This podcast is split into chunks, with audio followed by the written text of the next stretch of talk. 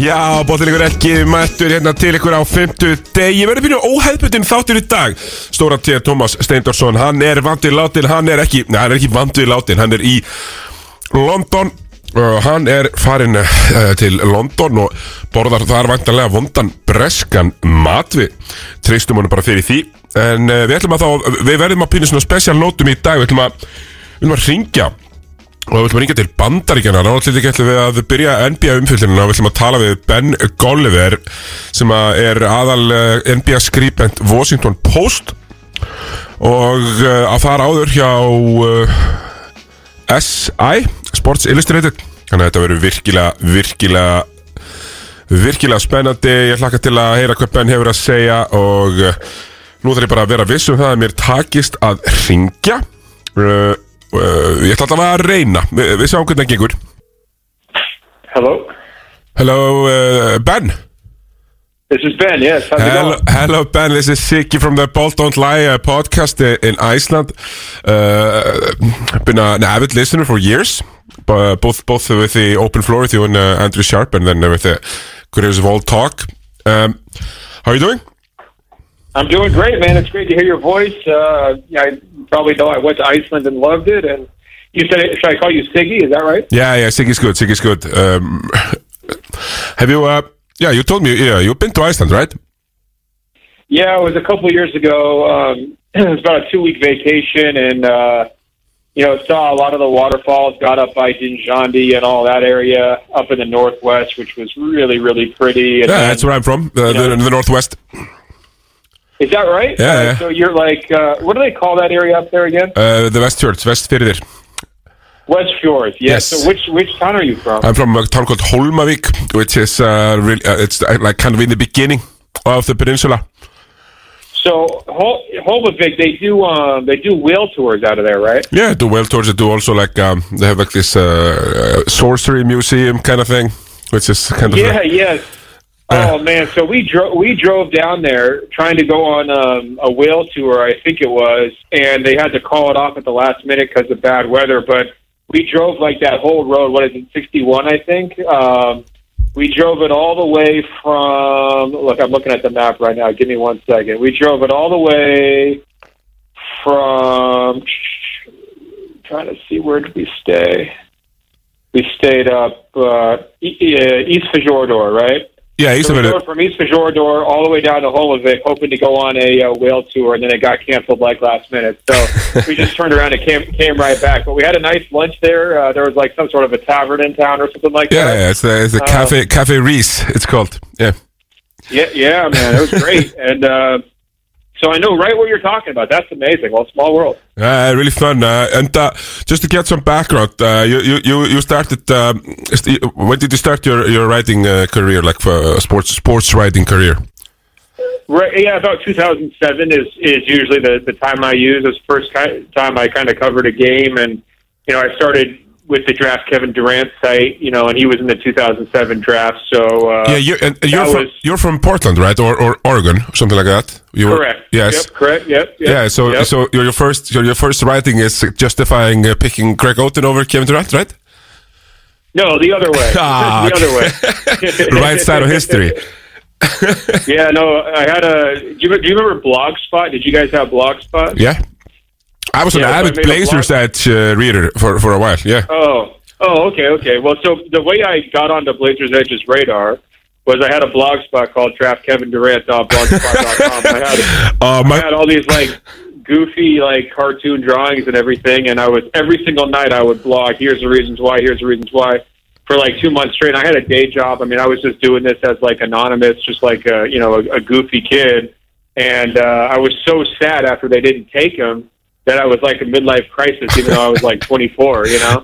and uh, thankfully, Dave at Blazers Edge was like, "All right, well, why don't you just come right for us?" And I said, "Oh, great. Well, this, this is a good backup plan." And it all worked out.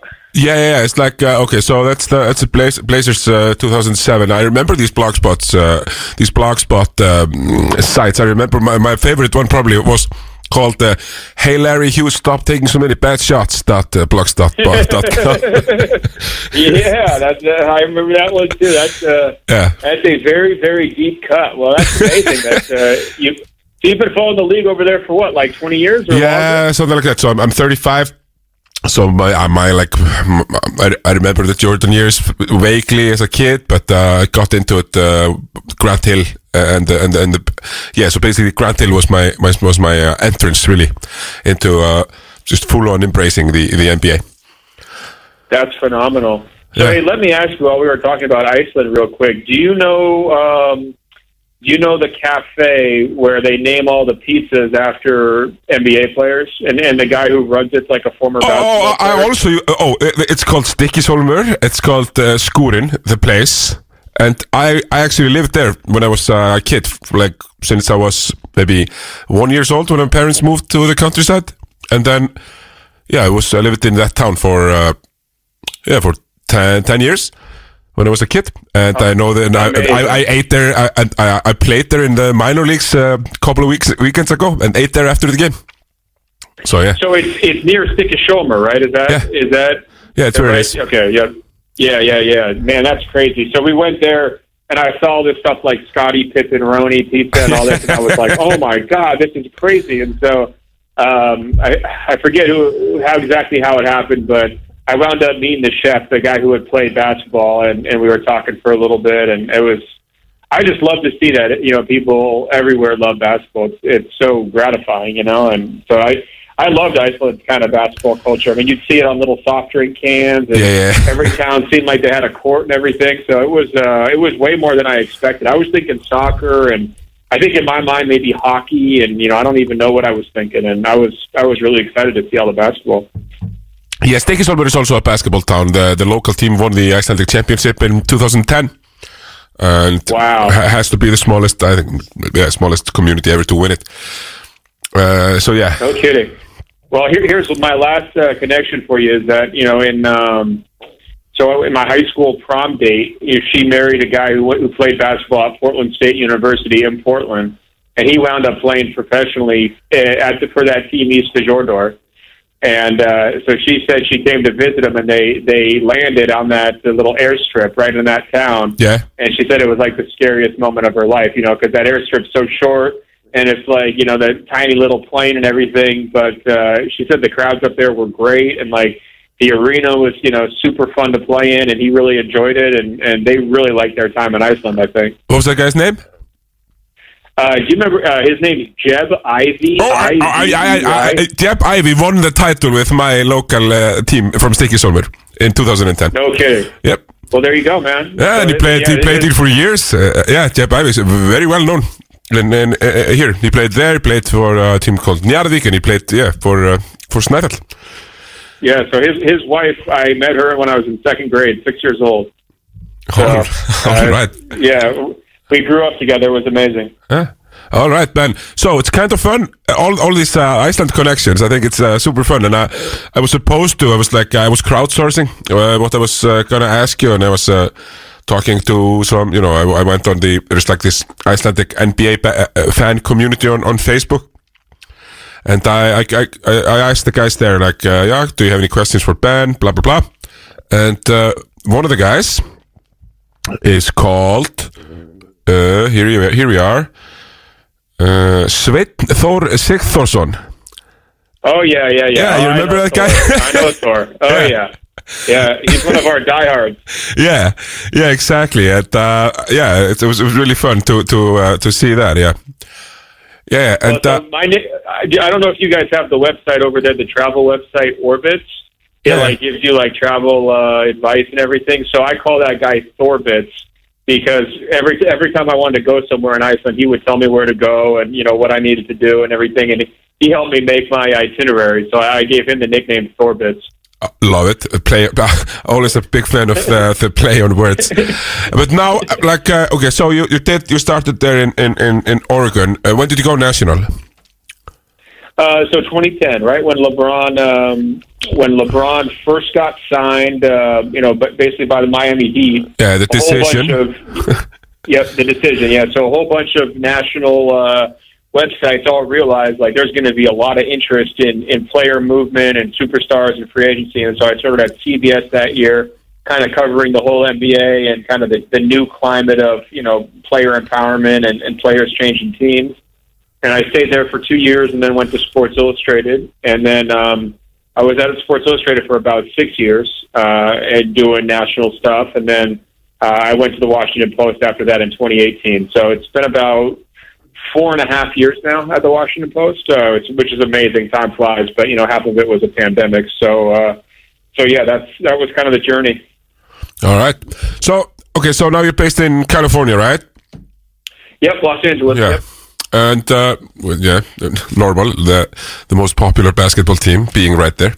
Uh, so just uh, just so just a couple of things. Um, uh, do you do you enjoy the transition from uh, from Sports Illustrated, the web, web website, and doing doing national for Washington Post, where you where you write you know a little bit long form and uh, stuff like that? Yeah, so with Sports Illustrated, you know, it, it was known as a magazine for a long time, and they've kind of been cutting down the number of issues in the magazine. But when I was a kid, I read Sports Illustrated like religiously, like that was my Bible. And so getting to work for them was like kind of my dream.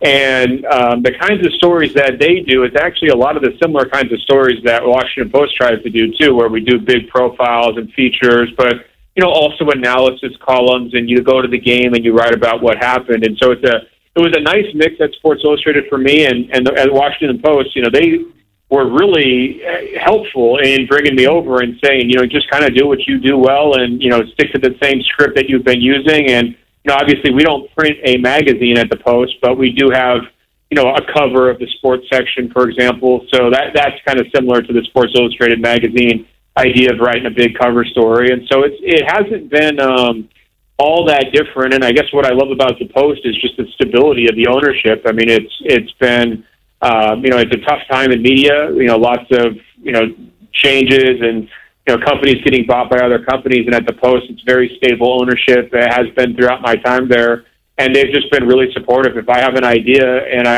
I feel strongly about it, they pretty much always say yes, and it's that's what every writer dreams of. You know, is, is having that kind of a, a green light. Very nice.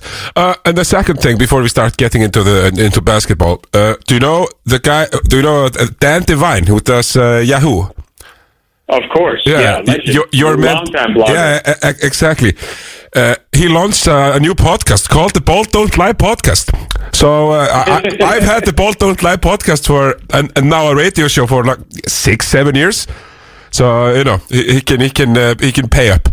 Next next time you meet him, you okay. you tell him about the OG uh, original one. Well, it sounds like you guys are now mortal enemies. That's great. you know, I I know you love Rasheed Wallace. I don't know if you knew this, but back in Portland, you know, Portland is was not a very um, you know, it's it's not a super diverse city. I'll put it that way, and especially you know when, when Rasheed was playing there 20 years ago, and so there was um, at that time there was no hip hop or rap um, radio stations, and they had just started the very first one. And so, for whatever reason, somehow Rasheed Wallace got to be a DJ at night on this radio station, and he would play all of his own favorite rap music for like an hour, or two hours um, on this radio station in Portland. And it was all rappers back then that like nobody locally had ever heard of. So um, I don't think he called it "Ball Don't Lie" at that point. But I think the original "Ball Don't Lie" radio was probably Rasheed Wallace himself. You know, uh, spinning his favorite songs back in Portland. Like this is probably 20, 25 years ago. Oh, very fun. Uh, so I'm not gonna, I'm not, of course, I'm not gonna claim the phrase. It's it's called the ball don't lie because of uh, Rasheed Wallace. Uh, by the way, my prized my prized possession, uh, um, Rasheed Wallace Atlanta Hawks jersey. Oh, nice, very rare. Ah, it's the it's the, it's the it's the queen of the throwback jerseys, I think. That's fantastic. Yeah, no, it and uh, it worked out pretty well for him, though. You know, moving Yeah. on quickly. I think. Oh, definitely. I, I'm, I'm a Piston fan, so he, he became um, you know um, uh, one of my favorite guys as, uh, as well. Right, right away. So, so let's let's get into it. A cou- couple of things like uh, be, being in LA, being in LA.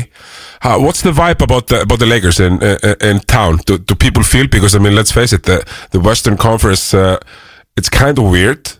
Uh, even if the Nuggets are bouncing back, which kind of feels nice. It was uh, was weird that they were, uh, you know, a little bit shaky for a you know week ten days the the other day, but uh, I feel like uh, at least you know through the national media, the Lakers people seem to be getting their their cockiness back.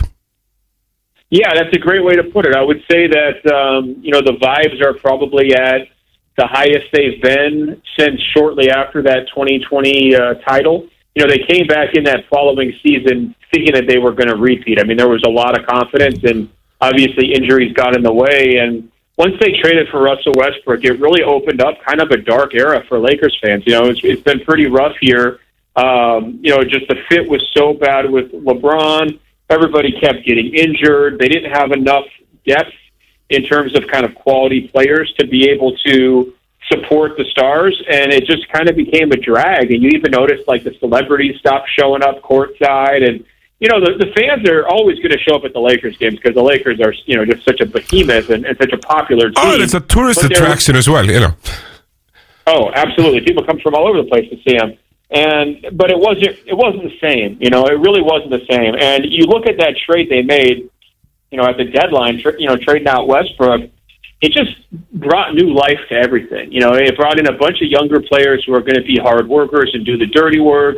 I think it gave LeBron, um, you know, a, a renewed sense of, hey, I should try to come back from this foot injury and get healthy, and maybe we can do something. It just gave everybody a little bit more hope. Um, but I do think it's important to kind of keep the progress in context. You know, I mean, they're still fighting for their life in the play-in. Um, they've looked good, but not great, you know, over these last couple of weeks. They're still dropping a lot of games they shouldn't drop. And I do worry a little bit that the Lakers fans have been riding this roller coaster and they're so excited right now. And maybe the play in comes or the first round of the playoffs come and then boom, they're going to get their heart broken again because uh, I just think, you know, LeBron's best years are behind him, obviously. And um, all it takes is you know a, an injury here, an injury there, and, and the Lakers are a very mortal team. So um, I would say it's you know compared to the the bleak and dark days of two months ago, it's much much better. But it's still a long way to go to kind of get to you know the championship type swagger that the Lakers fans are are used to having. Yeah, yeah I, I, totally agree. I think uh, yeah, they're not they're not a terrible team anymore but but you know, for me, they're no in no in no shape or form a real title contender. Uh, not yet, at least. But maybe maybe they'll uh, ramp ramp it up. But I mean, uh, is it is it is, isn't it fair to say like uh, like you say, LeBron's uh, best days are behind him? And I mean, uh, Anthony. Yeah. it doesn't mean he's it doesn't mean he's not fantastic, but Anthony Davis. I mean, his his his only great playoffs is when nobody was was in the seats watching him kind of. Uh, right. Yeah, yeah, yeah. No, I, I know what you mean. Those that bubble year, he just caught fire and was incredible. And I think everybody reset their expectations and thought Anthony Davis was going to be that guy forever going forward. And he just hasn't been able to stay healthy and kind of channel that same efficiency from the shooting to be as eh, dominant offensively as he was in the bubble. Now he had a great season this year defensively, but you know when you have a player who's a number one overall pick and as hyped up as Anthony Davis, you really want him to do it on both ends. And that's been a little bit more hit or miss. You know, in terms of LeBron, eh, you know, I, I think people get really sensitive about this idea of like, oh, you know, his best days are behind him, and oh, what are you trying to say? He's over the hill, and I'm sure you saw the advertisements about father time, and you know, oh, yeah, I did. trying to kind of make fun of he's trying to make fun of it, right? And I, I thought. Le, le, the bottom le, line is, oh, go, go ahead. No, Le, LeBron is uh, LeBron trying to put an extra chip on his shoulder by t- uh, talking like everybody was writing him off. It just uh, it makes no sense. But oh, okay, yeah. yeah, no, uh, but at the same time, it, look, the the bar was really high. You go back to what you know 2016 LeBron was like. I mean, carrying the Cavaliers to that title over the Warriors. I mean, that's a completely unrealistic standard for any guy who's going to be, you know, 38, 39 years old. Uh, it's, a, it's a completely unrealistic standard for uh, uh, almost any player in, in any era of all time. So, you know. Exactly right. And so, you know, you got to hold LeBron to that same standard and say, well, he's not quite that same guy. The, the, the areas that I've noticed for LeBron in terms of slippage I mean, obviously, number one, his ability to stay healthy. This guy was an Iron Man for you know 15 years, and he is no longer an Iron Man. That's a, a big problem, right? Number two, defensive intensity and commitment. Um, you know, he takes a lot of defensive plays off, lots of sequences, quarters, halves, sometimes even games where he's just not going to be maxing out his defensive effort. And you even heard recently a guy like Patrick Beverley, one of his former teammates, kind of point that out and and kind of say that publicly. And I, you know, it's unusual for a player to kind of talk about his teammate like that, but you know, it was also true. And then the other issue is with LeBron's outside shooting. Um, you know, he's never been a great outside shooter, but he's gotten more and more reliant upon that three point shot as he's gotten older because he doesn't want to do the the hard work of driving through pain and taking all this contact and you know putting his head down and turning the corner and he's just not as quick off the dribble as he used to be and the three point shot has been you know pretty sporadic this year and so those are all natural signs of a player getting older and I think it's okay to say that even though he has, still has amazing stats and you would definitely you know want to draft him really early if you were drafting the best players in the league uh, he's not where he was, you know, five, six, seven years ago. No, absolutely not. For me, for me, it's the uh, on-ball defense. You know, fighting through screens. Yep. Just it's not going to happen. I mean, I mean, uh, my my favorite player for the last uh, you know 10, 20 years, Chris Paul. It was exactly the same when when he started to hide on defense. I mean, he used, to be this oh, fantastic sure. defender. But as the as the as the years you know as the years go by and it, uh, as as you call it father time you, you just can't maneuver like like like you used to, which is not not uh, necessarily uh, well. I mean, it's just normal. For me, the the the like the the thing that's gonna make the Lakers not real contenders is that nobody's putting Anthony Davis in their top fives, and talent wise, he should be in everybody's top five, but he's not. He's not there. Absolutely. I mean, and that's what we all kind of thought. I mean, even before Anthony Davis came to the Lakers, I wrote a column kind of making the case for why both he and LeBron would be a good partnership.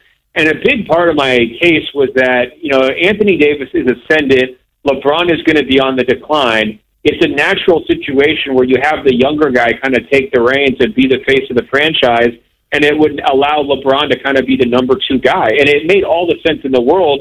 And, you know, still in 2020 when they won the title, LeBron was the number one guy, but it was pretty close. And so that set up the scenario where you thought you were going to come back in 21 and 22 and 23, and it was going to be Anthony Davis's team, right? And, you know, everything was going to go through him. He was going to average 30 or 32 points a game. LeBron was going to be much more of a distributor and trying to set Anthony Davis up. That's what we all expected. And it just never came to fruition. They never had that role reversal. I think part of it is personality wise. Anthony Davis is not a natural born leader from a personality standpoint. Um, that's not necessarily a negative, but he doesn't have this big and swaggy personality and huge confidence and life of the party. That's just not really him. He's a little bit quieter. He's very serious. He takes his um, profession very seriously, um, but he's just not the guy that everybody kind of rallies around, right? Yeah. And that is much more how that's how LeBron is. And then uh, you know you throw on top his injury issues, and if you're not out there every single game, kind of carrying the team, it's difficult to kind of you know take over and be that leadership guy as well. So the you know I think LeBron's fame has actually worked against this situation a little bit. It's made it trickier to have that kind of transition because LeBron is such a big deal. He goes on the scoring title. Now his son's this you know a massive sensation, Bronny, um, and it, it's just kind of squeezed Anthony Davis out a little bit. And I think. Um, that's part of the reason why you don't hear him in the top five conversations is because he's still the number two guy on his own team. Absolutely, and also not a natural born leader either. So you know, it, it is it is what it is. So let's move on from the Lakers. Uh, Joel Joel Embiid uh, let us down the other night, but but well, not him, but you know, he, we were. I, I think. Uh, my, my entire Twitter timeline was only people disappointed that he wasn't going to play against the Nuggets. Uh, so what your what what's your what's your uh, what's your thinking about the, the MVP race? I mean, is it a race if uh, if if the Nuggets lock up the uh, number one seat? Is it a, is it a real race or or can Giannis take it from the from the other side? The Milwaukee Bucks are probably going to lock up the well, most likely, not probably maybe, but most likely going to lock up the number one seat in the league. Yeah, I mean, to me, it's definitely a race. You know, uh, I, I see two great candidates in Jokic and Giannis, and I see a very good candidate and Embiid, and I was bamboozled, or you know, completely baffled by his decision not to play against Jokic. Embiid has been campaigning for this award for three straight seasons. He wants it desperately. Um, he wants the validation of being known as the MVP. He's done interviews where he's kind of, uh, you know, taken these veiled shots and jabs at Jokic and trying to kind of poke holes in Jokic's resume, which you know is very unbecoming for a player of of his stature. And certainly, Jokic would never do the same thing. Giannis would never do the same thing towards Embiid. And yet, you know, it, when he comes time to play, he doesn't show up, and all of a sudden he's injured after just playing a back to back previously. In the states, we have this, uh, you know, slogan, and we call it all, you know, all bark, no bite. In other words, he just yaps, yaps, yaps. He doesn't actually back it up. And that's exactly what Joel Embiid looked like. All bark, no bite this week. It is very disappointing. Now, the choice between Jokic and Giannis is very close. You know, it's tight. The argument for Giannis is he's the best player on the best team. He's the most complete player in the league. Um, you know, he, he's shown that his style of work can work in the playoffs uh, against anybody.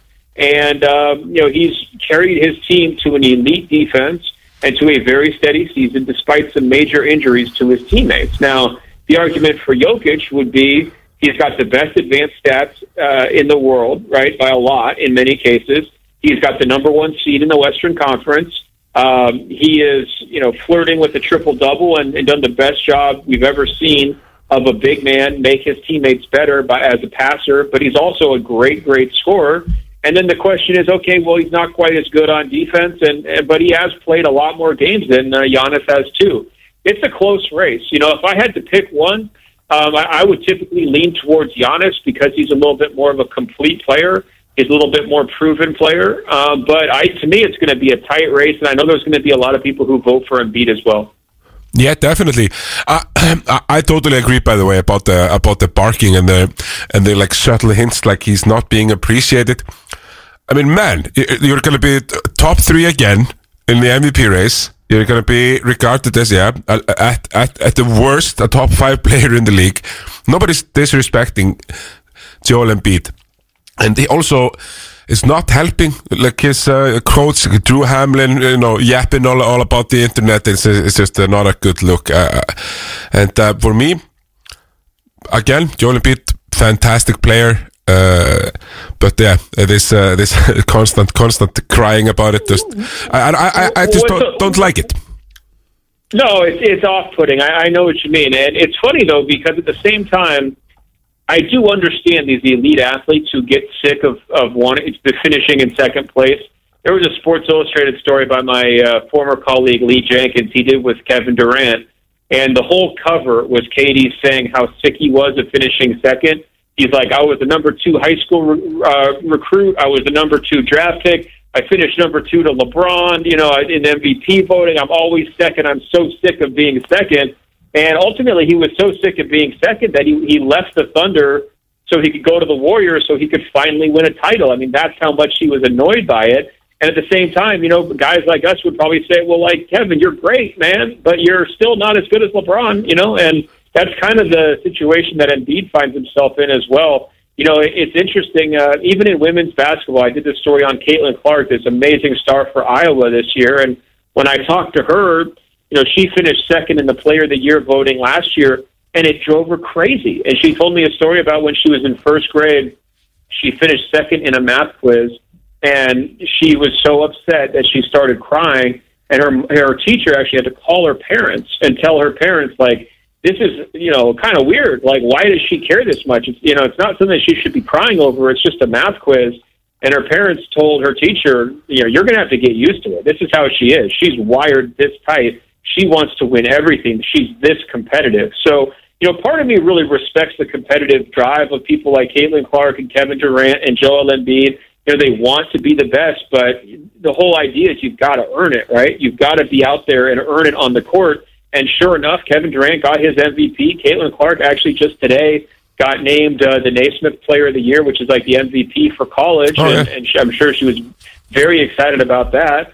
And Joel Embiid, you got to earn it, man. And the only way you can do it is by playing, and you can't do it by talking. He really could have made a dent uh, uh, uh, uh in this race by by playing that game, just like oh, just just like he did when he played when he played the, the the other game in the season when he really really outplayed Jokic.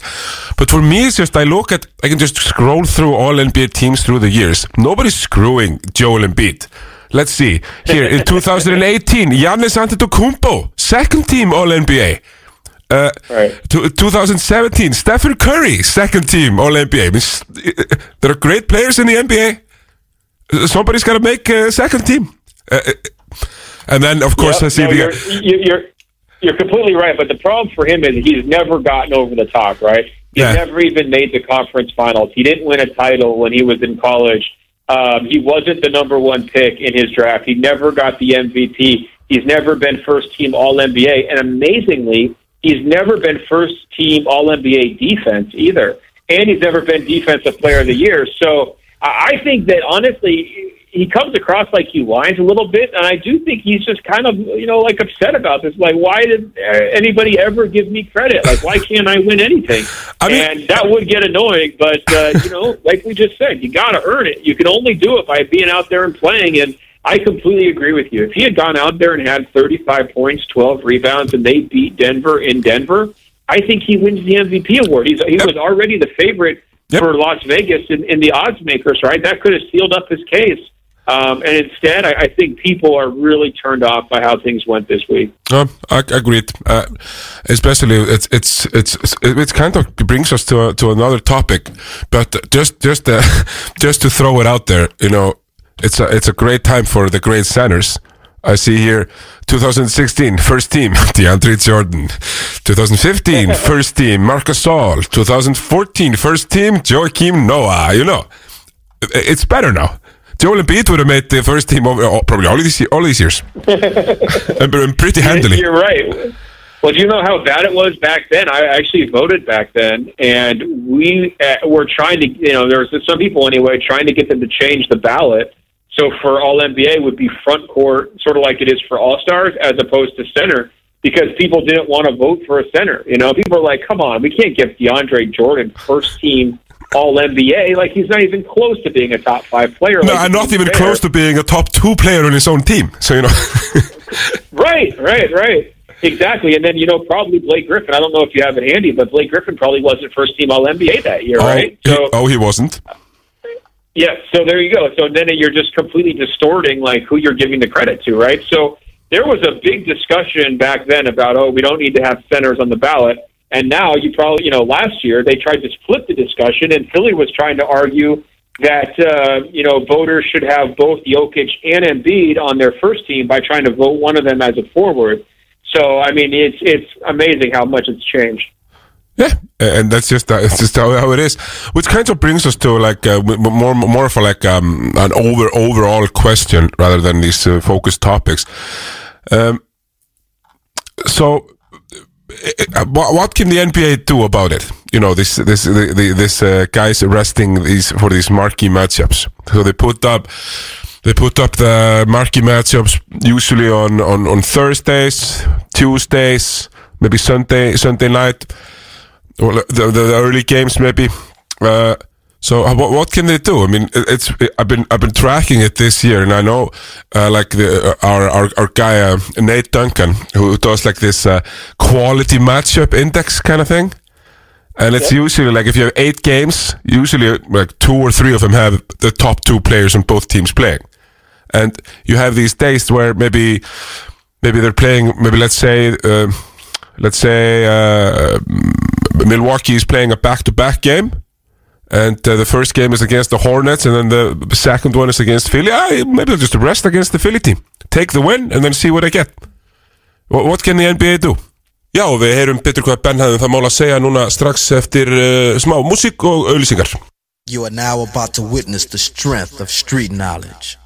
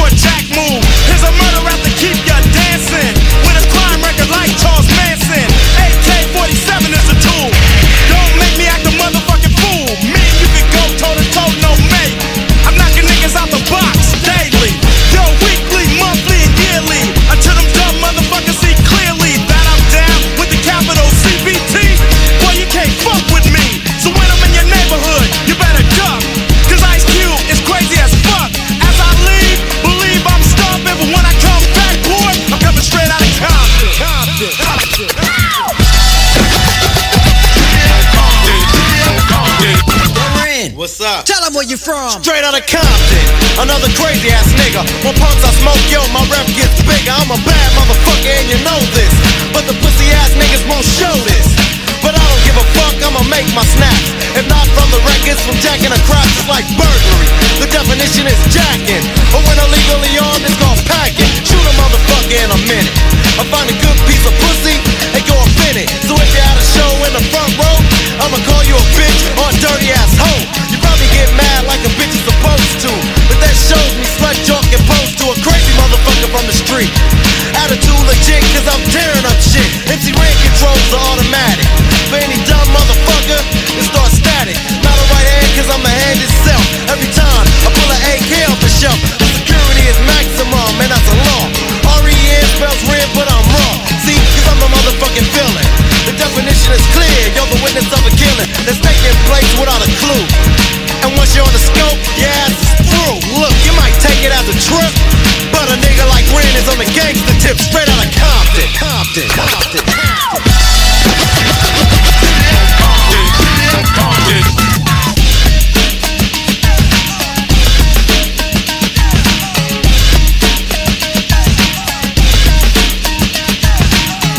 His name and the boys coming. Straight out of Compton is a brother that'll smother your mother and make your sister think I love her. Dangerous motherfucker raising hell. And if I ever get caught, I make bail. See, I don't give a fuck. That's the problem. I see a motherfucking cop, I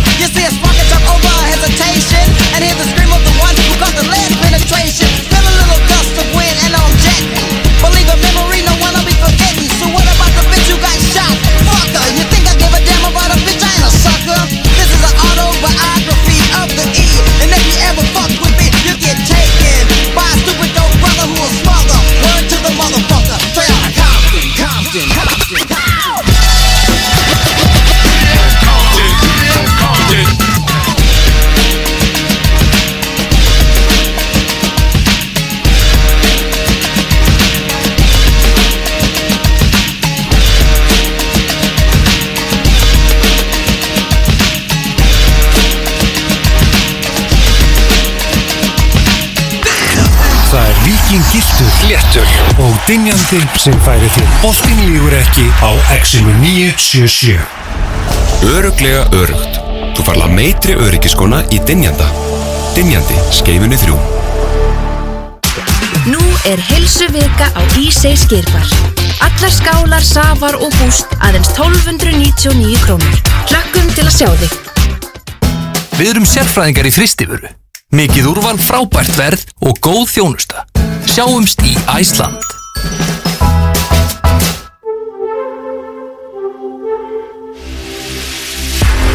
Við stækkum fermingagjöfuna þína. Fermingaböll fá alltaf 12.000 krónur í mótframlag þegar þau hefja sparnað. Við erum betri saman. Landsbankin. State Energy og State Energy Zero virkni drikkur sem hendar fyrir allar aðstæður. Halló Háhraði Nú fljúa bæjarbúar voga á 5G Háhraða í bóði Vodafone Kringlan að kvöldlægi. Opið til klukkan nýju öll kvöld. Kúmen til að vera. Alvöru kólagrill. Við látum bragðið tala fyrir sig. Sjáumst á Dirty Burger and Ribs. Keirðu verði niður með Verna og sparaðu alltaf 40%. Sæktu appið og fáðu verði bílinn. Verna. Söpnum mottum og setjum upp sokkana fyrir alla sinni, stjúpa, sjómla, sifja og svila landsins. Mottumars krabbamessfélagsins. Páskasprengja á adidas.is 20% afsláttur af öllum vörum. adidas.is Dr. Fútból Hjöpkvís í Keiluhöllin í kvöld Hjörvar Hafliðarsson predikar Sá græni, sá góði á tilbóði Tryggðu borð á keiluhöllin at keiluhöllin.is Keiluhöllin, Vembley Íslands Nóa Kropp páskaeggið er fyrir löngu orðin tímalös klassík sem svíkur engan. Gleðilega páska, Nói Sirius. Burgeis Borgari að eigin vali á svo frönskum og gósi á aðeins 1990 krónur Burgeis í nýju hraðhöllinni hjá Orkunni Smáralind Skemmtilegasti feluleikur ársins er framöndan. Hvar leynist góu ekki þitt? Það er Viking Gylltur, Léttur og Dynjandi sem færi þér. Boltinn lýgur ekki á Exinu 977. Exit 977 Well, so the first thing the NBA has done is they've cut down on the total number of back-to-backs by a lot. They have instituted, you know, these series now where you come into a city and play a team twice over three days, so you can kind of cut down on the travel miles. Uh, kind Um, of a so base, like, you know, for kind of the baseball way of doing it. baseball style, exactly right. And then what they have done is they've targeted games like Christmas or the ABC Saturday games, and they've made sure that the, the really high profile national TV games you don't play the day before or the day after. So you basically you, you don't have an excuse. You can't say, "Oh, we're on a back to back, so we're going to sit out." No, like you don't have to play on the 24th. You don't have to play on the 26th.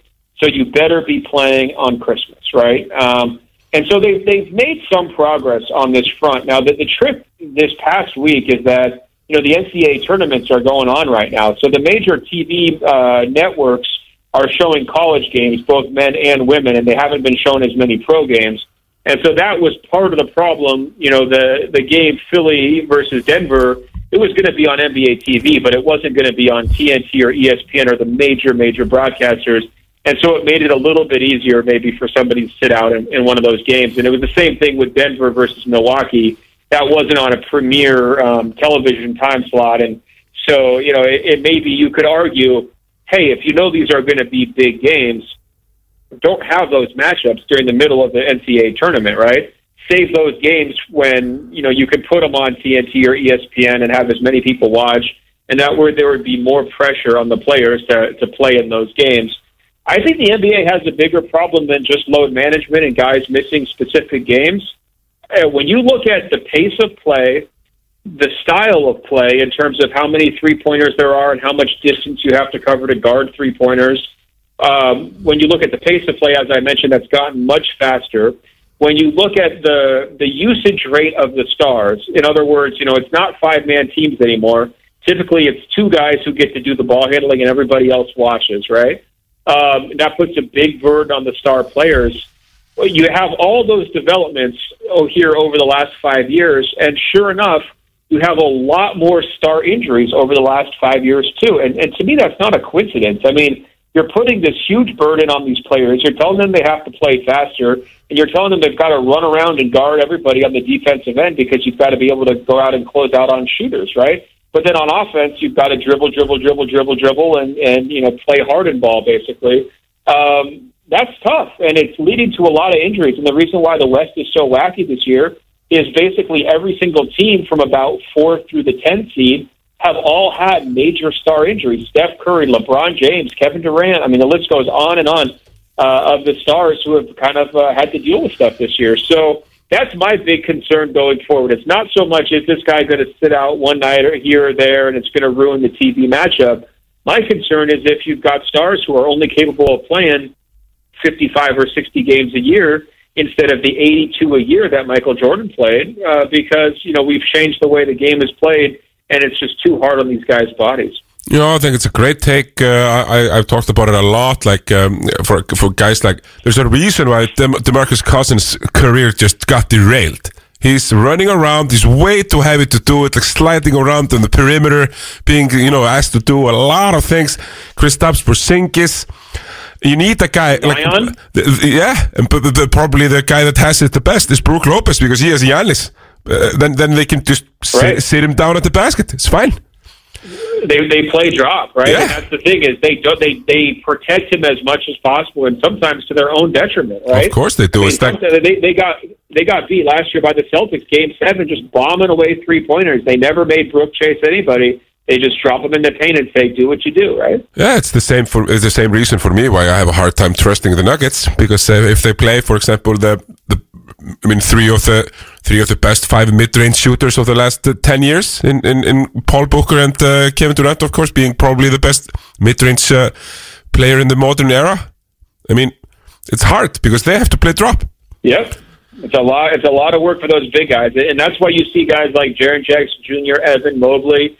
I mean, those are going to be the future big guys, right? And let's say they had come in ten years ago. I mean, what's really the difference between, uh, you know, uh, let's say Jaren Jackson and Lamarcus Aldridge when he first came into the NBA, right? Exactly. Well, what did Lamarcus Aldridge do? He immediately put on weight. He refused to play center. He wanted to be a power forward, and he just focused on turnaround jumpers and um, low post moves on the block, and that was his game, right? If Lamarcus Aldridge came up today, he would be Jared Jackson Jr. They would say, shoot three pointers, do not put on weight, block as many shots as possible, and do not take any mid range jumpers, right? Oh. He would be a completely different style player, right? Oh, but uh, uh, talk about the ready-made game for our, our guy Rasheed Wallace. He would be the perfect five. Oh, I know. right. But Well, I- I, think that's it's even better is, is Rasheed. I think he, he would have been a great fit in the modern era if they had kind of coached him that way the whole time because he was a, an excellent outside shooter. Nobody would have told him to stop shooting, and he would have been a, a better fit probably as a center than as a power forward, right? Yeah, definitely. Uh, what I what, but uh, you, know, you mentioned Jaren Jackson Jr. and and and, uh, and Evan Mobley, pre- premier like fu- fu- uh, move, they move their feet so well. It's a joy to watch Jaren Jackson Jr. play defense. You know, other than the other than the reach in fouling, which is just he just wants to block all the shots. Uh, and that's just kind of what happens when when you, when you do that. Uh, so like uh okay another fix there i'm not gonna stand i'm not gonna stay long on it and uh the all-star game. Let's face it this year i'm, I'm, I'm not I, I don't think it's even hyperbolic. I mean it's it's just gotten it's totally it's total crap today.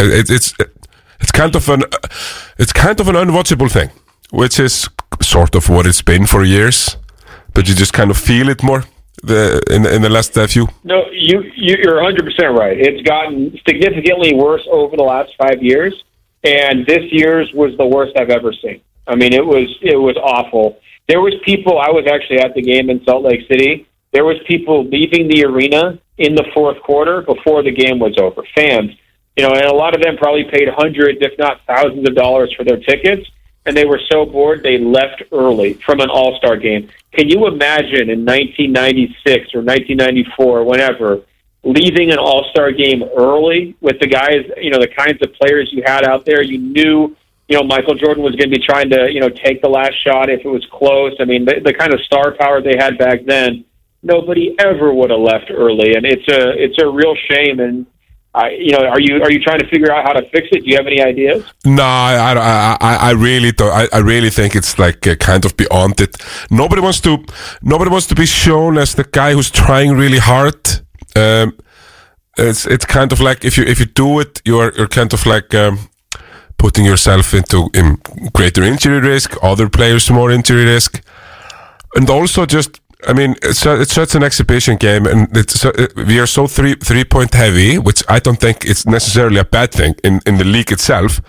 But for the, for the All Star game, it's like you get you get one pass and a shot for thirty possessions in a row. It just gets old. So I don't know how to fix it. I'm I'm with you. You know, it, the money part of this shouldn't get overlooked. I mean, you know, it's the guys back in the '90s. They might be making one million, two million, three million, right? I mean, you got guys now making forty or fifty million, and Yeah, even even if you even if you prorate the the uh, like the uh, even if you calculate the inflation with it, it's not even close. So I, I- Right, yeah, that's what I was just going to say. Let's just say the NBA is you know growing faster than the S and P 500, right? I mean, like there, there's no inflation, there's no um, you know financial metric that that's even comparable, and it's it's largely happened here over the last 10 years since Adam Silver has taken over, and, and really since the pandemic, especially the the salaries have really increased, and so the risk factor has just increased substantially, and I do think that's a big part of it. But to me, it, it comes back to pride, you know. And there are some guys who are going to be willing to play hard. Unfortunately, Giannis was kind of hurt this year, so he didn't get to kind of help set the tone. But I'm looking forward to that next generation of guys. You know, Jaylen Brown came out of the game talking about how he wanted to play harder in the future in All Star games, and I'm hoping there's going to be some guys. Anthony Edwards was was very similar. I'm hoping those guys um, are able to kind of change this back a little bit because it was embarrassing, you know. And I, I couldn't imagine being like a, a league executive and you're bringing all the sponsors to Salt Lake City to watch the game, and this is the product you're giving them. They know it's not good. Everybody knows it's not. no, good, everybody right? saw it was just it's really bad. And also, I think I think you hit on a pretty good point with the personnel. The, personnel that was, that was playing the game.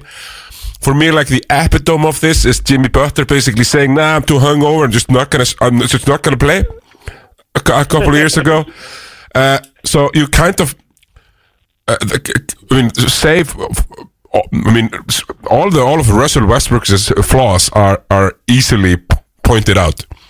But he shows up for these kinds of games. Chris Paul shows up for these kinds of games. You know, the, the, sure. Well, and one other thought to help fix it. You know, right now the the players negotiated to be able to have a couple extra days off after All Star Weekend, um, so that they could kind of recover after the game. It actually might make sense to give them the break before the game, right? So everybody can kind of have your time off, relax, and then come to the All Star game. So I'm saying maybe even make the the All Star break even longer. Have a couple extra days up front so the stars get to relax. Then they come to the All Star Weekend City. They do all their events. They have their parties, whatever. But maybe they have a little bit more energy. They're a little bit rejuvenated after having some time off. Because right now, some of these guys will play Wednesday or Thursday night, and then they'll get you know taken to All Star Weekend. They'll be busy all day Friday, Saturday, and then they're exhausted by Sunday, right? So I wonder if we gave them a little bit more time off uh, beforehand, whether that would help in, increase the um, you know the, the work effort rate during the game, and then you give them some time off afterwards as a reward for playing hard. That that might be a solution that could help work, but. Um, I grew up loving the All Star game, and I think actually it's one of the most important things the NBA does to you know reach out to international audiences. Right, like everybody remembers watching the All Star games when they were kids, kind of no matter where you're from. oh, I watched the I watched the '97 All Star game like four thousand times. It's just what it is. Right, and so I mean, imagine telling you know the the kids at your local elementary school, "Hey, everybody, come over. We got to watch the 2023 All Star game." The kids are going to be playing video games after like 10 minutes. Like this is terrible, right? And so that's a problem. And if you're really trying to market to the next generation of kids and and get all the everybody kind of hooked on the NBA game, um, your signature events need to be great. And then for the NBA, luckily, the finals to me has been excellent in terms of competitiveness, storylines, star power. If you look at the last 10 years, the NBA has had just some amazing finals, right? Absolutely. So that the finals has been great. The draft has been pretty good. The All Star game has been weak, and they should really try to figure out what they can do to make it better. Yep, definitely. I mean, uh, I, I, I work for the rights holder in Iceland for the for the for the NBA. We didn't even show the All Star game. Uh, we we showed Really? the yeah we showed NBA Saturday Night. Uh, because we we get kind of this Euro, Euro, European uh, package kind of thing, and so it's, uh, you know we don't really so we, we, we have to have to choose between some things. But I totally agree with the with the finals. It's been uh, really fantastic the last uh, Well, the last few times. let me ask you though, real real quick, what did you show instead of the All Star Sunday? What what was on TV instead? Uh, it was it was two thirty a.m. so nothing. It's like local programming. Or, yeah, yeah, yeah. It's just nothing really. It's just you know, just some old some old uh, old shows, stuff like that. But I mean, the NBA programming here for us You is. you, you used to show it though, right? I Of mean, course. at some point you. Would yeah, of it. course. Yeah. But I mean, this, I mean, the guys that run it, uh, they run it for a reason, you know, Right. And they see what people are watching and what they are not watching, and then I'm, I'm pretty sure they looked at last year's number and they thought, nah, not worth uh, the the cost of it. That's what I'm thinking. Wow, that's amazing. Yeah. Well, I hope Adam Silver hears this, man. Uh, this is this is great feedback that the NBA decision makers need to know. They have disappointed Iceland so badly with the quality of the All Star game that they don't even bother televising it. That is a disgrace. Oh my gosh. Yeah, and I mean, we, and, and we do a lot of programming around it. We show uh, a few games every week. We uh, have a, a weekly TV show just talking about the NBA. So it's not like it's not like it's not covered.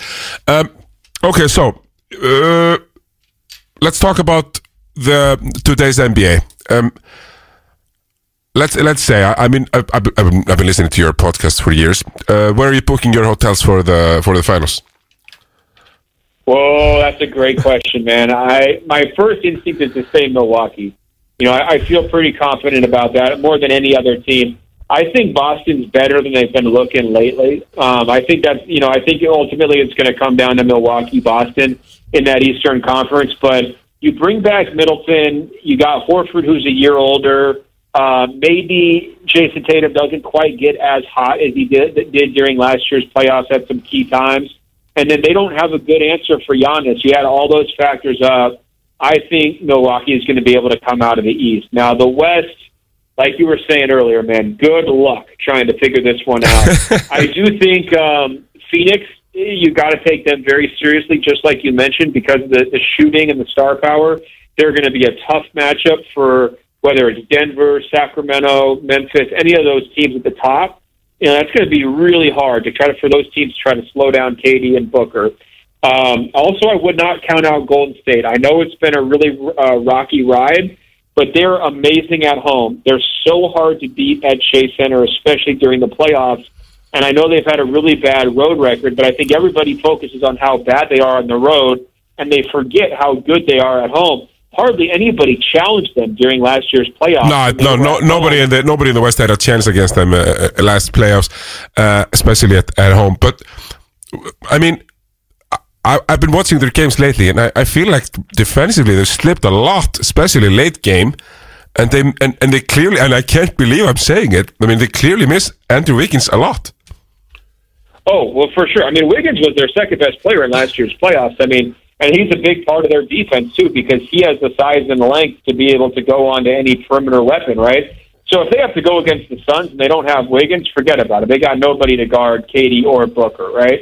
Now, if they can get Wiggins back, and, and nobody knows exactly when that's going to happen, um, I still think that they can crank it up just enough to be able to kind of uh, sneak by these teams.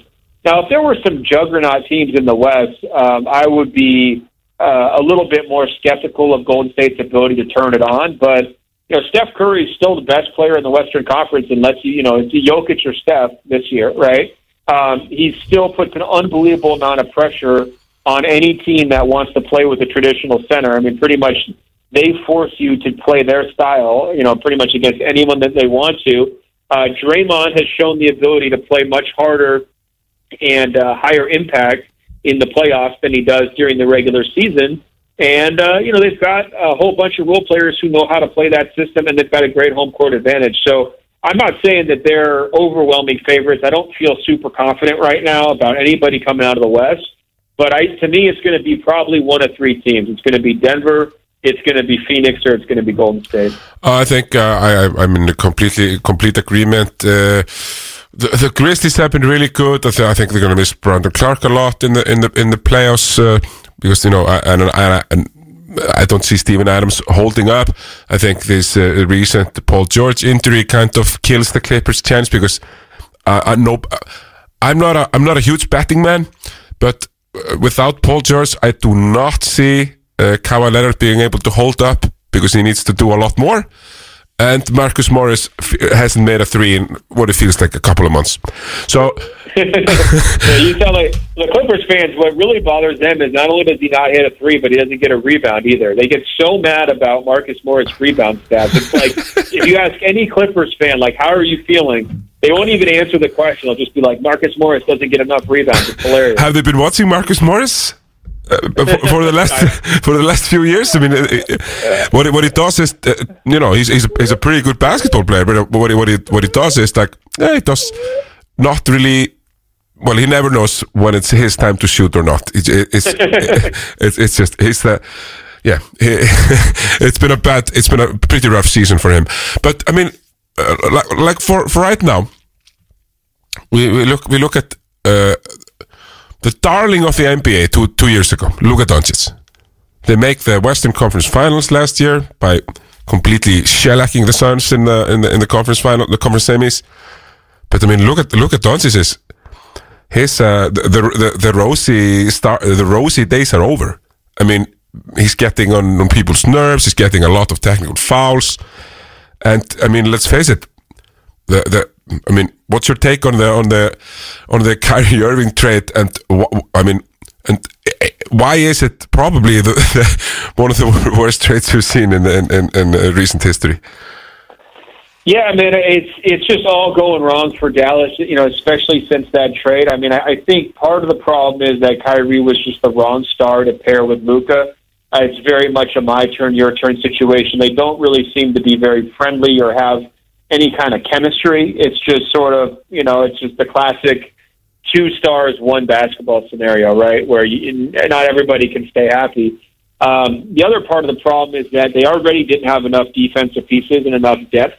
And when you trade multiple players for Kyrie, you're going to have worse depth and you're going to have worse defense, right? And so, yeah, the trade didn't really make them that much better on offense, and it made them worse on defense.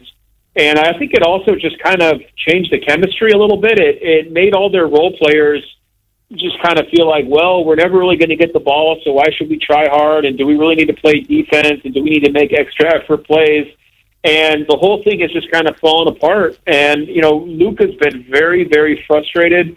He takes it out on the referees, he takes it out on his teammates, and that doesn't help anything. You know, I think in the NBA, um, it might even be different from international basketball.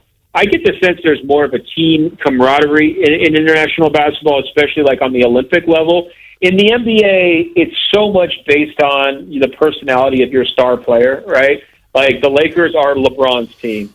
The Yes. Mavericks are Luka's team, right? Uh, the Yep. Warriors are Steph's team. And the whole organization takes on the personality of that main star. Oh, like all And Chris right Paul now- teams, for example, all Chris Paul teams uh, through the years become the most annoying team in the league. One of my favorite players, 100%. but they always right, become right, right. Yeah, no, unbearable. Absolutely, oh, absolutely, hundred percent right. And so, right now, it's it's Luka is frustrated, mopey. Up, you know, he's upset. He's um, you know not playing his best basketball. He's been dealing with some injury issues. He was hinting at some off court stuff, and when your best player is not happy and he's that frustrated, everyone feels it in the NBA. And so. I I think that's really been the, the challenge for Dallas is like they're in this entire organizational rut. They don't have a really good way out of it. And the trade was a very desperate maneuver. And I think, unfortunately, that trade could really come back to bite them. You know, I made the comparison before the trade happened. I said it could be like a Trojan horse. You know, you could bring Kyrie into that organization. He could wind up destroying it from the inside, right? Which he has And done for up, you know, multiple teams. Absolutely, and it could easily be something in, in Dallas where a year or two from now, Luka could be requesting a trade and wanting out, and you look back and said, "Well, why did we trade for Kyrie if all we got to show for it is that Luka, you know, wants to leave?" And that would be the worst case scenario for Dallas, and I think it's never been more realistic for them. Oh, I oh, I completely agree, and I think uh, I think it's very telling that he's drafted in 2018, and now it's 2023, and probably the third most important player of the team is still Maxi Kleber. Uh, Cle- Kleber. Uh-huh. Uh, uh, uh, w- w- it's a total indictment on their uh, front office, I think. Uh, how how it's how it's kind of gone. Uh, Well, yeah, and, and don't forget when you look ahead, they've already changed their GM and they've already changed their coach. Oh, so if you're trying to make Luka feel better, you can't fire another coach or fire another GM because you've already done that. You know, if you do it again, you just look like you've got no direction. So it's a very tricky position for the Mavericks to be in. I mean, as a, as, as a, as a co-founder at least of, of Yanis Inc., I mean, you probably were, were not a fan of the Jason Kidd hire to begin with. Uh, yeah, that's very true. Uh, Uh, well, and the tricky part was I, I just couldn't understand why it didn't work with Rick Carlisle. Rick Carlisle's a great coach. much better coach than Jason Indiana. Kidd. yeah, yeah. So I, I don't know why it didn't work out, but um, you know their front office move looks just as shaky. You know, Nico Harrison, his first big thing on the job was Jalen Brunson leaving for nothing. That seems like a problem, doesn't it? Yeah, I mean, Jalen Br- uh, Jalen Brunson has been a top five point guard, point guard in the NBA this season, probably. So uh, st- right, right there. And, uh, and by the way, much better than Kyrie Irving has been this year. Yeah. Not even close. And you know, you, uh, Kyrie is a pattern. It's, just, it's the same everywhere. I mean, he, what, the the way he leaves Boston, the way he leaves the Nets, it's just it's an ongoing story, and it's always like this, and it's always going to be like this. And the only only successful, really, really successful thing he's done was when he was playing against the top, when he was playing with a top three player of all time. And, you know, it, it is what it is. Uh, one more thing I want, uh, well, not, I, I have a couple more things. I, and thank thank you for taking the time. Uh, Oh, of course. Da- Damian Damian Lillard is in a, and the Portland Trailblazers are in a tricky situation. They're shutting him down now, uh, and uh, where, where do you see that th- this team going? It's kind of like uh, I mean they've hitched themselves to the to the Lillard wagon. I think not not surprisingly and probably rightly, but the the, the team around them just looks real shaky. Yeah, I think what people forget about with the Portland Trailblazers is their their owner for you know like more than twenty years was Paul Allen, who is one of the richest people in the world, and he happened to be completely obsessed with basketball. Paul Allen was like Mark Cuban before Mark Cuban. Oh, also you know, an Iceland- like made up. Also an Iceland fan uh, came here on his uh, yacht, the Octopus, uh, multiple times. Is that right? Well, Yeah. I, I did not know that. That's that's great because he he was known for his famous yacht collections. Um, so he loved the Blazers. You know, loved and cared so passionately, and he wanted to research all the draft prospects, and he would you know fly or he would uh, pilot that yacht around the world, and he would have the team send him you know video footage of the different players, and he always was super super super involved. Well, unfortunately, he died a pretty premature je- uh, death a couple years ago, and his sister took over control of the team, and she has not sold it yet. She has tried to carry on her brother's legacy by showing up to games and you know doing what owners do, but she just doesn't care. I mean, she hardly ever went to games before her brother's death, and so she's just kind of inherited this massive responsibility, and it's not really a passion for her like it was a passion for her brother. And on top of that, she's inherited you know his millions and millions of dollars of art collection and the Seattle Seahawks football team and all this other stuff that he owned, right? So it's been a very challenging situation for her to try to um, unwind his estate, right? To kind of you know figure out what the next step is going to be, and everyone's just waiting for her to sell the team. And I think anytime you get in that situation where it's sort of like purgatory, right? Everybody's like, well, what are we going to do?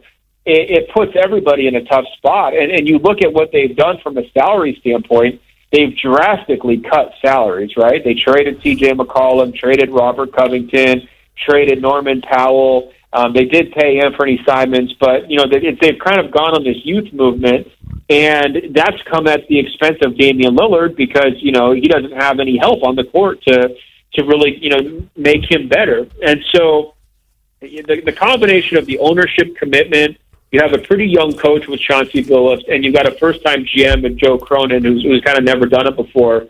Um, it's just a tough spot for a player in Lillard's position to be in. Um, at the same time, you know, being from Portland, like, you know, this guy is the prince of the city. Everybody loves him. You know, he gets to do whatever the heck he wants. So it's not like it's a terrible life.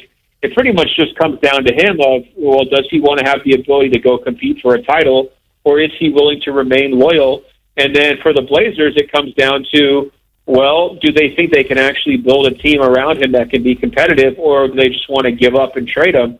And, you know, they've been such a long time partners between player and team. I kind of expect it to continue into next season, but they're going to have to pay Jerami Grant. They're going to get a good draft pick, and I know the fans up there are hoping for Victor Wembanyama.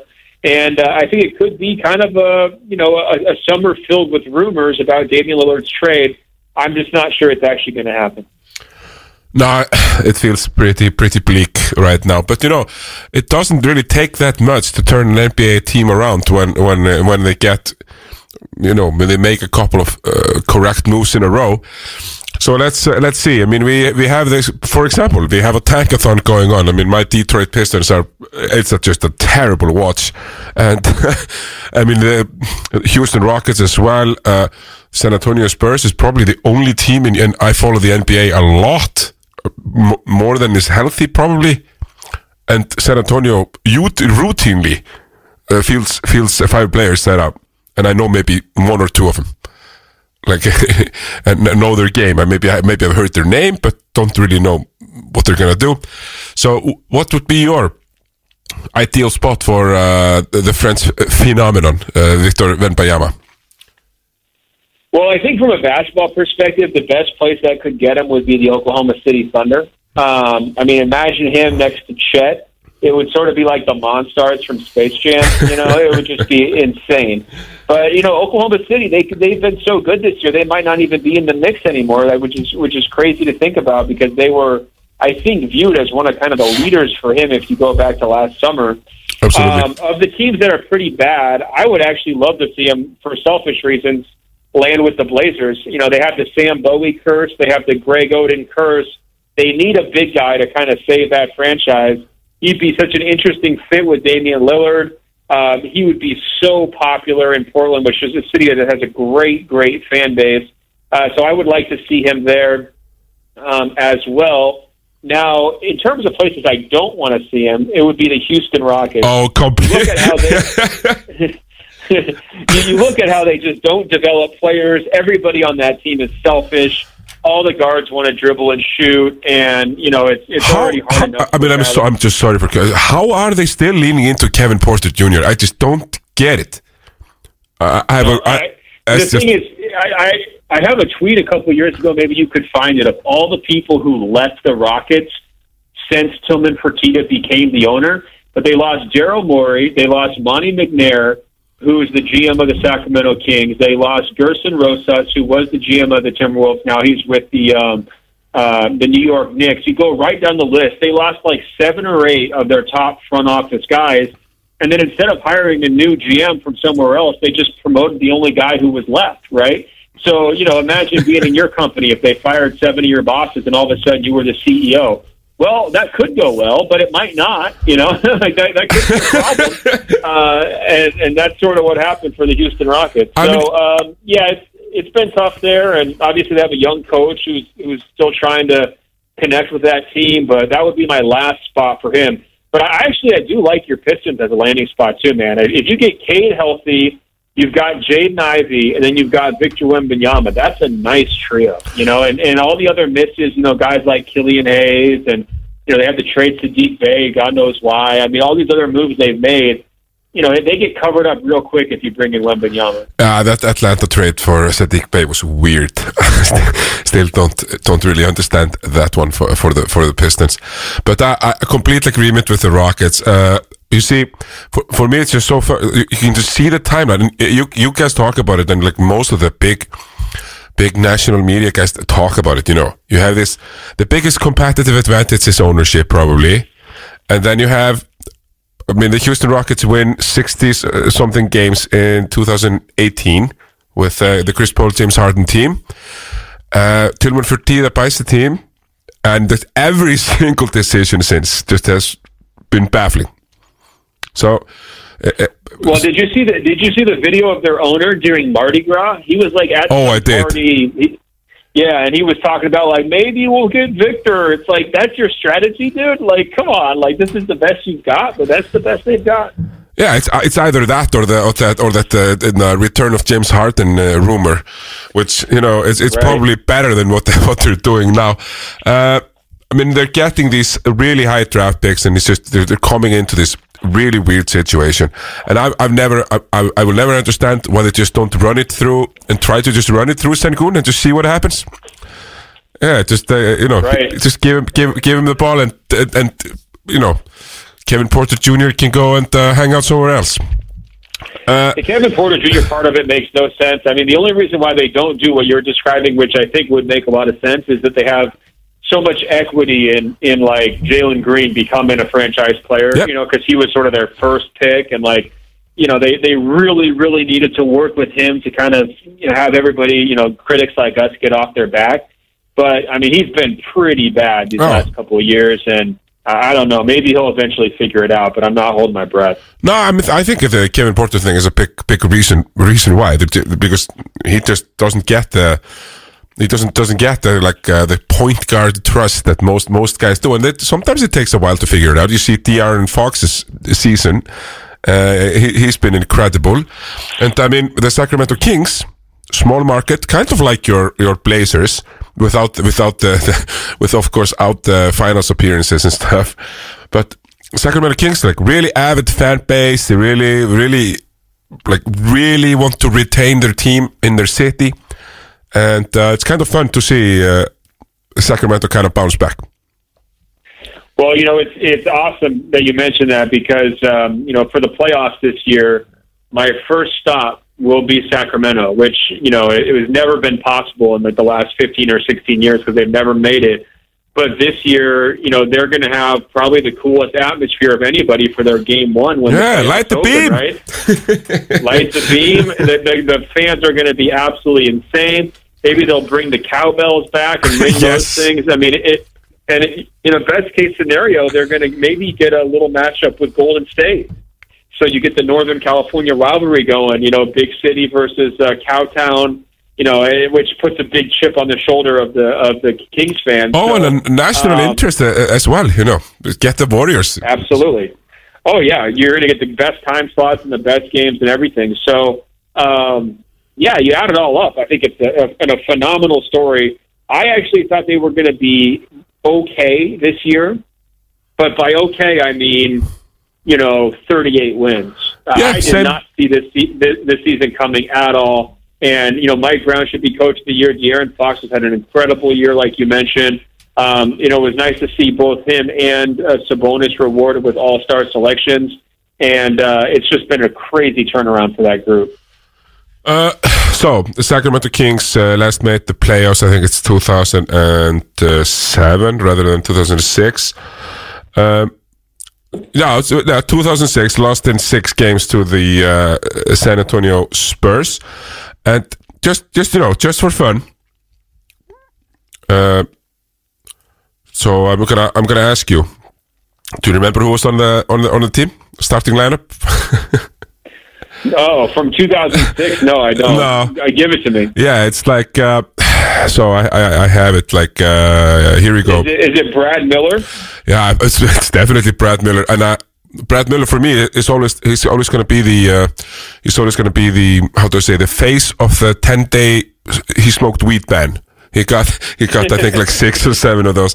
Uh, Uh, so I'm looking at it right now. So you got what? Peja, yeah, it's Ron Artest, right? Ron Artest. Yeah, yeah. Um, wow, Mike Bibby started every single game at point guard. Man, that's uh, that's. Have you ever seen the pictures of Mike Bibby recently, where he like looks like he's um, a bodybuilder? He's like put on all this Yeah, weight. yeah, and he's, Um, he's put it put it on like in a really big way. It's like like a chest yeah, so chesty that guy. tells you how long ago it was.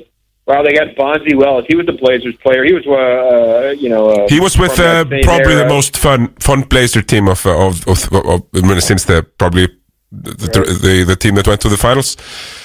Yeah, the the Steve the Steve They- they- Steve Smith Scottie Pippen team. Oh yeah, they got they had Shareef Abdur-Rahim, who's the head of the G League now. Um, I mean, this is quite the team. You know, Peja Stojakovic's kid's about to be a high, you know, NBA draft pick too. So that tells you how long it's been since the Kings were good. Oh, this this is actually kind of fun. Is, is Peja's uh, son good? Yes, excellent. Apparently, um, I have I have not seen him play personally, but I have heard really really good reports about. Um, obviously, he's a you know a shooter with good size. I don't know if he's quite like his dad, but he has um, he has really made a name for himself. He's not quite on Bronny's level in terms of like fame, you know, the second generation fame, uh, but he is he is supposed to be a, a big time player. Yeah, it, looks that way. Uh, so, Ben, I'm gonna I'm gonna let you go. Thank you so much for for uh, taking the phone. It's been really fun. Um, just uh, probably the last the last thing, uh, like with the with the influence of today, like uh, the top top guys in the NBA are no longer uh, American players. And it's kind of disappointing. Like uh, it's really disappointing the things that are happening with uh, Ja Morant, who was kind of on, his- on his way with Jayson Tatum to being like the uh, face for the league for, for the American market at least. Should the should the NBA get should, should we here in uh, on the European side get more uh, matinee games, uh, like uh, Sundays, like better matchups? So I won't be commentating uh, Charlotte, uh, Tim, Minnesota. Well, what I think we should do is I think we should take the All Star Weekend to Reykjavik, so you guys actually put it on TV. Ah, there you go. yeah, no. I I mean, look, I think there's a. First of all, it's actually a good thing that it's such a high percentage of the the best players right now are international because that raises the level for everybody. It, it just makes the game more competitive when you're drawing your talent pool from more different places, right? So, for the NBA, it's actually healthy that like a quarter of the biggest star player or the biggest players, uh, a quarter of the league right now is like international. I mean, that percentage is only going to increase. It's only going to be harder and harder for American players to make the NBA and for American players to become stars.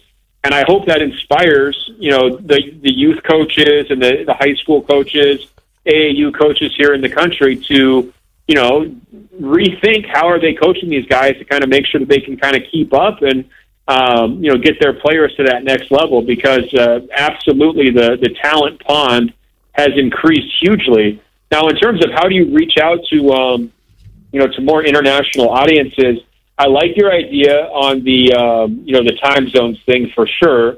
I actually think you know more getting back to the global games of, of sending teams not just China and Japan, you know, and some of those uh, destinations which, which the NBA has focused on, but expanding in the, the number of international games that are played during the regular season. I think that's really important. I know if I was a fan, you know, whether it's you know up there in uh, you know West Fjords or you know somewhere in Spain or wherever, if the NBA was coming to town, I would make a huge point to go see it. And I think that's the best way you can really reach people. I mean, that's kind of how it worked with the Dream Team in Barcelona.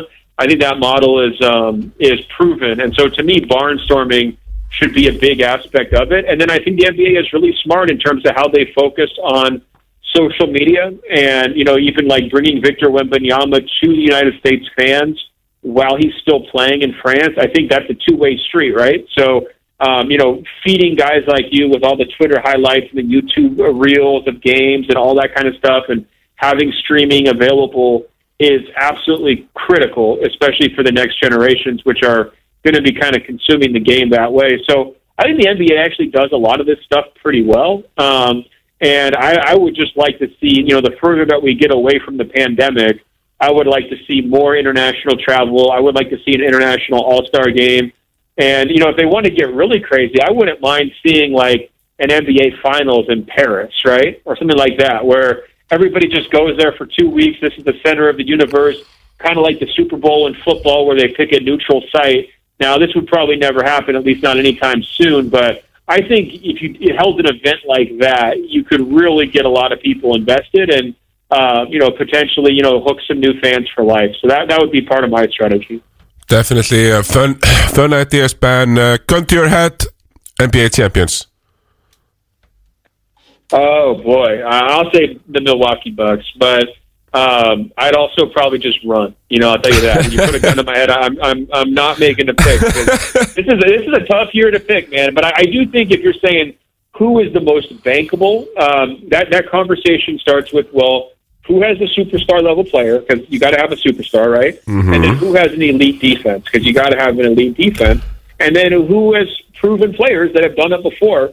Milwaukee checks all those boxes, and so to me, I think they deserve to kind of go into this playoffs as the safe pick to win the title. I completely agree. I, I'm not saying I necessarily would pick them over the field, but if I would have had to pick one team, they would definitely be it. They've shown it before, like you say.